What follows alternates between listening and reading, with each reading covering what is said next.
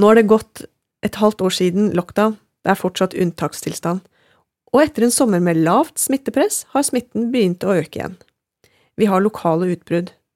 Så hvordan blir egentlig høsten? Blir den lengre og mer krevende enn vanlig? Mindre sosial, kanskje? Kommer det en ny nasjonal bølge? Vi vil prøve å holde pandemien i sjakk, og samtidig skal vi håndtere den klassiske høsthverdagen, der vi i tur og orden snufser og hoster litt alle sammen. Jeg heter Helen Bråstad. Og jeg heter Espen Rostrup Nakstad.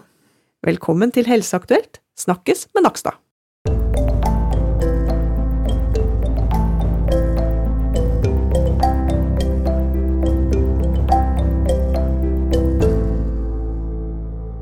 Espen, vi er eh, på full fart inn i en sesong med snufsing, hosting, vondt i halsen, tette luftveier. Det er helt normalt.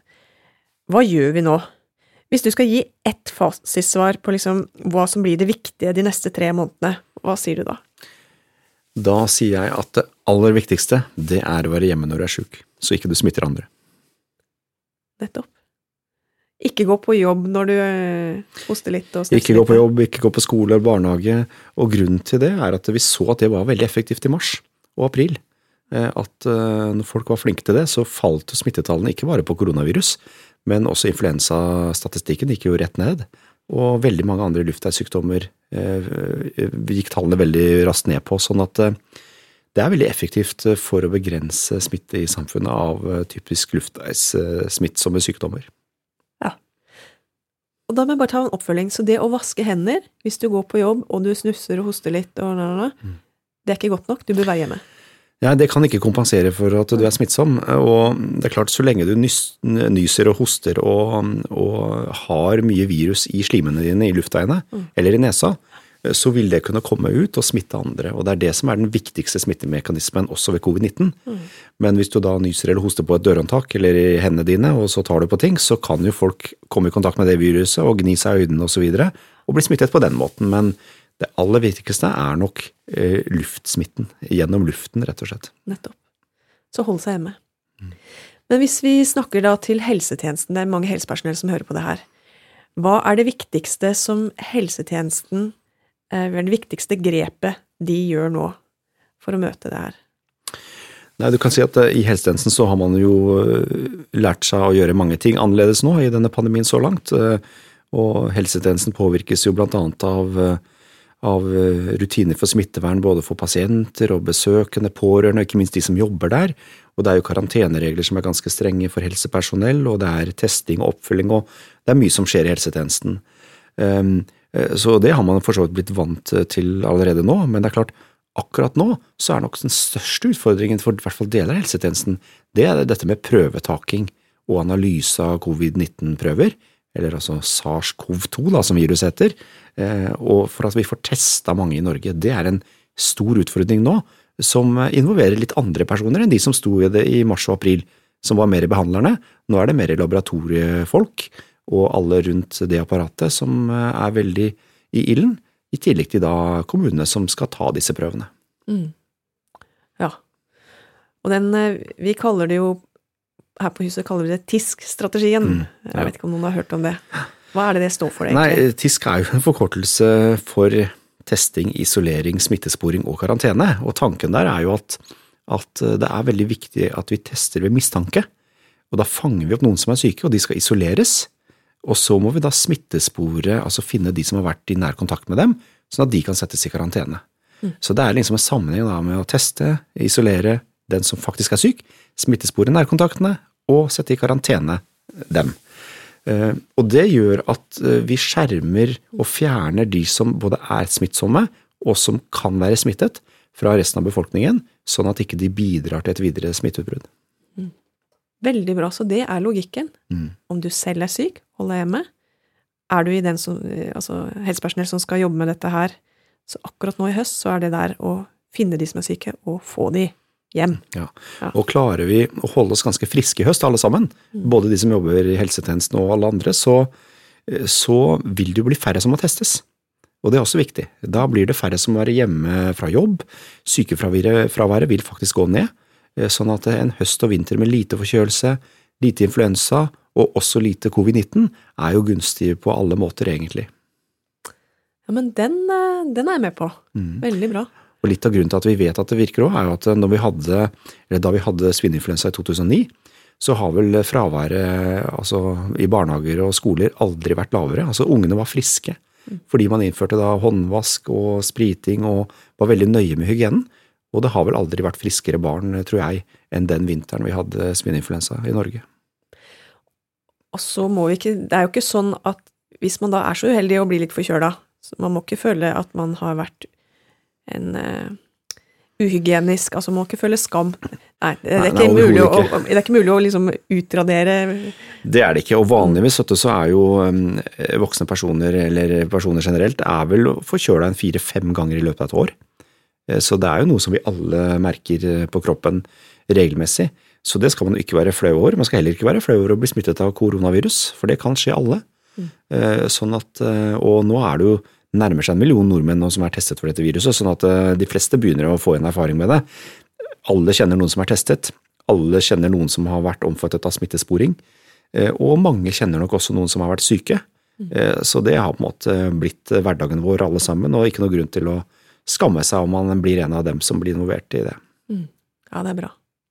Og det er også sånn at For det har vært litt oppe i det siste altså, Det er ikke sånn at man i smittesporingsrekken, når man holder på med det, forteller hvem som har oppgitt deg som på en måte kontaktperson. At dette foregår anonymt, ikke sant? Sånn Ja, helt riktig. Det er, det er et viktig poeng at eh, hvis man tester positivt, eh, så vil jo kommunen eh, ringe deg og, si at du har fått en positiv svar, du må isolere deg, holde deg hjemme. Og så vil de spørre da hvem kan du ha vært i kontakt med, og hvor kan du ha vært osv., hvor det er mange mennesker. Og så vil kommunen da drive et smittesporingsarbeid og kontakte disse personene, men de forteller da ikke at det er du som er smittet. De forteller ikke hvem det er som er smittet, men de forteller at eh, når de ringer rundt, at ja, du har vært i nærheten av en som er nå har testet positivt, eh, og som har oppgitt at du kan være en nærkontakt, og så kartlegger man det, og så gir man råd om å gå da i karantene for de som, som har en reell smitterisiko fordi de da har vært nærmere enn to meter i mer enn 15 minutter, eh, som er liksom hovedregelen, av en som har vært smitteførende. Det har også kommet litt spørsmål om fra, fra andre helsepersonell, faktisk. Om at, nei, men altså, alvorlig talt, det er jo, nå er det jo nesten ingen som dør lenger. eh, Og det er få som legges inn på sykehus. Er det nå, altså, skal vi ikke bare liksom gå gjennom dette her? Mm. Så hva er på en måte og, eh, samfunns... Hva er greia, hva er samfunnsgevinsten ved at vi tester så mange? Ja, nei, Samfunnsgevinsten er jo veldig stor, og det ser man jo øh, rundt i verden også nå. At de landene som ikke har klart å kontrollere dette, har jo enorme tall av smittede. Et helsevesen som øh, knekker helt sammen, og et stort antall døde. Og Vi nærmer oss en million døde nå i verden, og en nærmer oss også 30 millioner bekreftet smittede. Og selv om mørketallene er store i verden, og det sikkert er langt flere enn de 30 millioner, kanskje er det over 100 millioner som har vært smittet, kanskje enda flere, så er det fortsatt veldig få av de 7,8 milliardene mennesker som bor på jorda. Sånn at eh, hvis dette løper helt fritt eh, og rammer stort i alle land, eh, så, så vil det jo få konsekvenser som vi ikke engang har drømt om. Så, og erfaringen fra Europa nå er jo at de landene som får kontroll og får et veldig lite antall smittede, i de landene, sånn som vi har hatt i Norge ganske lenge, så kan vi leve veldig normalt. Da har vi ikke behov for så mange strenge tiltak.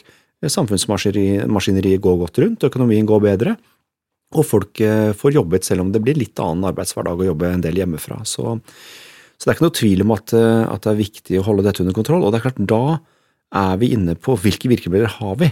Og det ene er jo det vi var inne på, det folk gjør selv. ikke sant? Være hjemme når de er syke, og, og, og holde avstand til andre og passe på å teste seg hvis man blir syk. Men det andre virkemidlet er jo TISK. Det er jo testningen og smittesporingen. Eh, og det er viktig for å fange opp de som faktisk er der ute og er smittsomme. Eh, og da må vi dessverre teste mange. Eh, fordi det er ingen som har skrevet i panna at jeg har koronavirus og hoster, og en annen som hoster har skrevet at jeg har ikke koronavirus. Det er veldig vanskelig å skille, og da må vi sørge for at folk eh, har en lav terskel for å gå og teste seg. Og med all type testing, til og med røntgen, ikke altså, så er det den problematikken som etter hvert mange har fått øynene opp for, nemlig det at vi kan få eh, falsk positive. Altså at du tester som om du har sykdom, men ikke egentlig er syk. Og du kan få falsk negative. Mm. Altså at du får prøvesvar nei da, du er frisk, men det stemmer ikke det heller. Mm. Så det, det er jo en tematikk som mange har vært opptatt av, at når du tester masse friske folk, sånn som vi gjør nå, Mm. så blir det noen som må i karantene uten at de egentlig er syke. Mm. Er det prisen vi må betale? Ja, men det er faktisk en litt mindre pris enn man skulle tro eh, når vi ser nærmere på det. Fordi altså, dette er knyttet til da Tester har jo det man kaller sensitivitet og spesifisitet. Og sensitivitet det sier noe om hvor sensitiv det er, altså hvor mange av de som faktisk er syke, fanges opp av testen. Og denne koronatesten er jo veldig sensitiv, fanger opp de aller, aller fleste. Men det er klart, det betinger at man tar prøven på riktig måte, at man faktisk får noe virus på den prøvepinnen f.eks. Sånn at, at eh, sensitiviteten påvirkes nok mest av selve prøvetakingen, at den er god, og at eh, prøven tas på et tidspunkt hvor du faktisk har en del virus i nesa og svelget ditt, sånn at man fanger det opp. Eh, Men det andre er jo spesifisiteten, eh, og det går jo på hvis du får en positiv test, hvor sikker er du da på at det faktisk er koronavirus? Og den er veldig, veldig høy. Og grunnen til det er at eh, denne testen vil ikke slå ut positivt hvis ikke man finner virusarvemateriale eh, gjennom denne analysen. Eh, men så kan det likevel, da, eh, i sånn laboratoriesammenheng, det kan være laboratorietekniske forhold, eller at en prøve påvirker en altså at en, en positiv prøve påvirker en annen prøve i apparatet osv. Så, så det kan skje sånne ting som gjør at du kan få noen falske positive. Men det viser seg at det er veldig, veldig sjelden. Det er et helt minimalt problem. Og så lenge vi tester folk med symptomer, og ikke alle andre helt tilfeldig, så er dette et så lite problem at det er eh, nesten ikke noe vi trenger å tenke på. Men retningslinjen er nå engang sånn at hvis du testes uten symptomer og får en positiv test, ja, da skal du testes på nytt for å være sikker. Så det er en retningslinje. Men har du symptomer, så kan du være veldig sikker på at en positiv covid-test stemmer. Og du skal jo uansett være hjemme til du er frisk, sånn at det, sånn sett så spiller det ikke så veldig stor rolle i de fleste tilfeller heller. Nemlig. Vi tester veldig mye, eh, og nå har vi vært litt gjennom dette med falsk positive og negative. Det var veldig oppklarende. Takk for det. Um, Det er også noen som syns at ja, men nå bruker vi opp alt kruttet, på en måte. Det er tross alt ikke så mye smitte, og så bruker vi opp reagenser, folk, ikke sant, bruker masse ressurser på dette. Er det det vi gjør, eller kan man si at vi driver og mobiliserer og skaper mer robuste strukturer? Altså, vi liksom Vi trenger den omstillingen, for å si det sånn. Nei, jeg, jeg, Det er klart at vi bruker mye ressurser på dette. Altså, Det er ingen hemmelighet at eh, dette er belastende for kommunene og for sykehusene, og ikke minst laboratoriene som analyserer prøver. Og de fleste av de laboratoriene er jo på sykehusene, og så er det noen private. Eh, Men det er nok sånn at, eh, at eh, dette er en pandemi vi skal stå i ganske lenge. Og nå som vi faktisk har en del smitte i samfunnet, selv om det ikke er, er generelt veldig høye tall, så har vi noen store utbrudd nå i Norge. Og vi har liksom fra uke til uke et eh, sekstitalls kommuner med smittetilfeller. Eh, Det er ganske mange kommuner. Og smitten popper opp litt her og der i, i vanligvis mindre utbrudd. Men det betyr at vi må teste ganske mange, for å fange dem opp. Og hadde vi ikke testet mange f.eks. nå i bergensområdet, så hadde nok det vært mye vanskeligere å, få kontroll på denne pandemien. Nå gjenstår det selvsagt litt å se noen uker etter det utbruddet hvor fort tallene går ned, men, men det viser bare at testing er veldig viktig. Så det vi jobber med nå, er jo å innstille systemet på at vi må teste mange over lang tid. Da må vi ha folk som kan ta prøver, det må ansettes flere folk i kommunene, læres opp, eh, og laboratoriene må eh, bygge kapasitet ved siden av det man vanligvis gjør på et sykehuslaboratorium. Fordi man analyserer også prøver som er viktige for inneliggende pasienter, og det er viktig arbeid. Sånn at covid-prøvetaking må ikke overta alt, sånn at det går eh, utover annen viktig drift. Men dette er krevende, og det tar tid, men det er skjedd mye nå de siste ukene. Og det er jo ikke lenge siden i sommer at vi bare testet ca. 20 000 i uka. Nå har vi jo ligget på over 70 000, opp mot 80 000 i uka.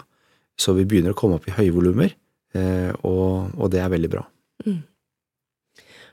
Og det som er litt interessant nå, som er annerledes enn når vi driver på en måte og utvikler ting i helsetjenesten vår ellers, det er jo at hele verden driver med akkurat det samme. Så du har forskning fra andre land vi kan lære av, du har retningslinjer fra WHO, altså det er eh, Det er ganske interessant det at liksom eh, vi går litt i takt, på en måte. Vi baler med de samme spørsmålene Ja. eh, i hele verden. Og vi følger jo godt med på hva som skjer internasjonalt også. Ja, ja. Det er jo masse å lære andre land, og det har det vært hele, det har vi snakket om i denne podkasten flere ganger før, at det er, det er mye å lære andre land. Um, noen land tester jo mer enn oss, eksempel Danmark tester ganske mye mer enn oss. Andre land tester ikke så mye.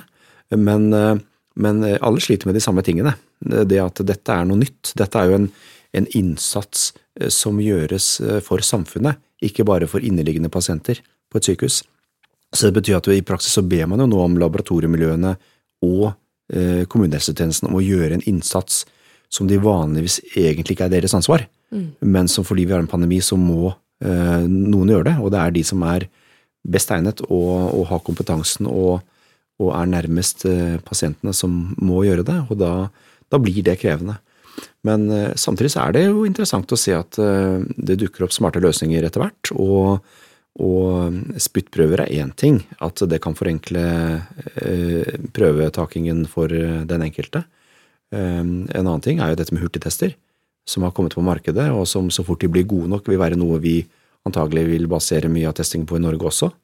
Ved at du rett og slett kan sitte hjemme, og får du symptomer, så kan du spytte opp i en sånn plastsak, og så kan du få et svar der og da som med ganske høy sensitivitet, ikke veldig mot 100% riktignok, men ganske høy sensitivitet vil gi deg en pekepinn om dette er koronavirus eller ikke. Så det vil revolusjonere pandemihåndteringen ganske mye hvis vi kommer dit, og gjøre det også mye lettere å leve uten veldig mange andre strenge tiltak i samfunnet. Vi er jo begge nå i Helsedirektoratet, byråkrater. Ja. Og så kommer vi fra andre jobber for mm. ikke så lenge siden. Eh, og jeg vet ikke hvordan man jobbet før krisen. Kanskje litt mer byråkratisk, for å si det sånn. Eh, at, at, nå er vi i krisehåndtering, og ting skjer fort. Eh, så når du sier at når det kommer hurtigtester, så tar vi det i bruk. Du har mm. tidligere snakket om at vi er heldige i dette landet som har korte linjer mellom eh, politisk ledelse, mellom oss i byråkratiet, mm. mellom kliniske fagmiljø. At, liksom, at, vi kan få til raske endringer. Men det er én ting som kommunene syns går litt for tregt, mm. og det er dette med digitalisering. Ja. Eh, har du hørt noe om det, du? Ja, det er jo en gjenganger eh, og en utfordring som vi også har før det, når det ikke er pandemi. Altså det er jo i helsetjenesten sånn som den er i Norge, så har jo man bygd opp digitale systemer med journalsystemer og, og prøvesystemer og røntgensystemer som egentlig ikke har blitt bygget opp i et felles, samlet nettverk ut fra en felles idé, men de har kommet liksom først litt i en helseregion, så i en kommune, så i et helseforetak, og så og så er det som med all annen digitalisering i samfunnet i hele verden, egentlig, at dette har blitt bygd litt sånn opp eh, og bygd på hverandre. Eh, og vi ville antagelig ikke gjort det samme på nytt hvis vi hadde hatt den teknologien den gangen som vi har nå.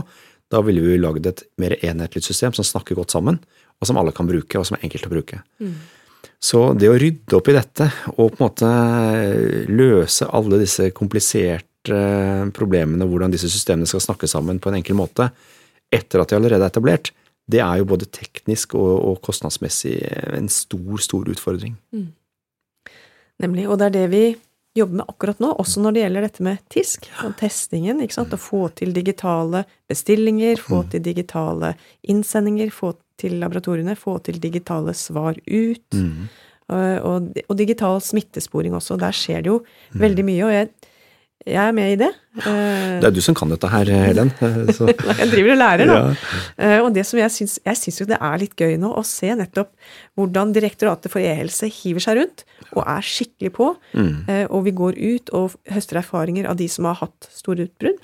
Kommuneoverlegene forteller villig om de mm. forskjellige løsningene, og det er veldig mange forskjellige løsninger, som du, som du sier. Mm. Det fins utviklere der ute som eh, legger egne penger i potten. KS er på.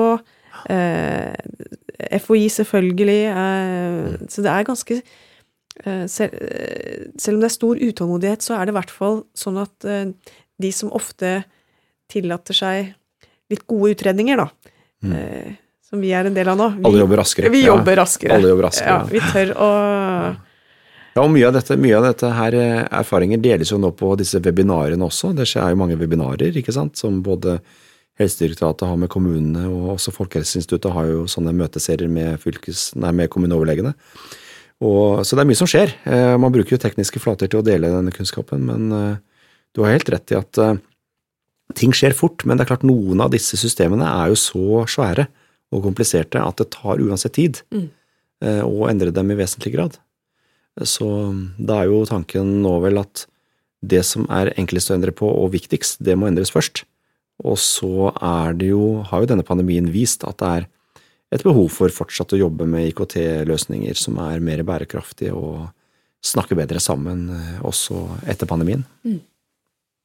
Så denne høsten så skal vi to i hvert fall fortsette å jobbe med disse tingene. Ubyråkratisk Vi og raskt. vi skal nok det. Ja, vi prøver på det. Mm. Ja, men det, det er Jeg syns det er litt gøy jeg, å jobbe altså, sånn eh, som du sier. Noen ganger så tar jo ting veldig lang tid fordi det skal utredes veldig grundig, og, og det, det er jo fortsatt viktig at det gjøres grundig. Men eh, mange prosesser kan speedes opp ved at du samler folk som er involvert, eh, sammen. Eh, slutter å sette, sende e-poster fra én til én, men tar de viktige diskusjonene, gjør et eh, raskere utredningsarbeid og kommer fortere i gang. Og det tror jeg vi har lært mye av i hele forvaltningen i Norge i denne pandemien, og også i helsetjenesten. At eh, er det en krise, så er det viktig å agere raskt, men på et så godt grunnlag som mulig, selvsagt eh, fortsatt. Supert. Og vi fortsetter med podkastene våre, så det er bare å følge med. Absolutt. Og neste gang så er det vaksiner. Så vi snakkes da, Nakstad. Vi snakkes. Det blir spennende.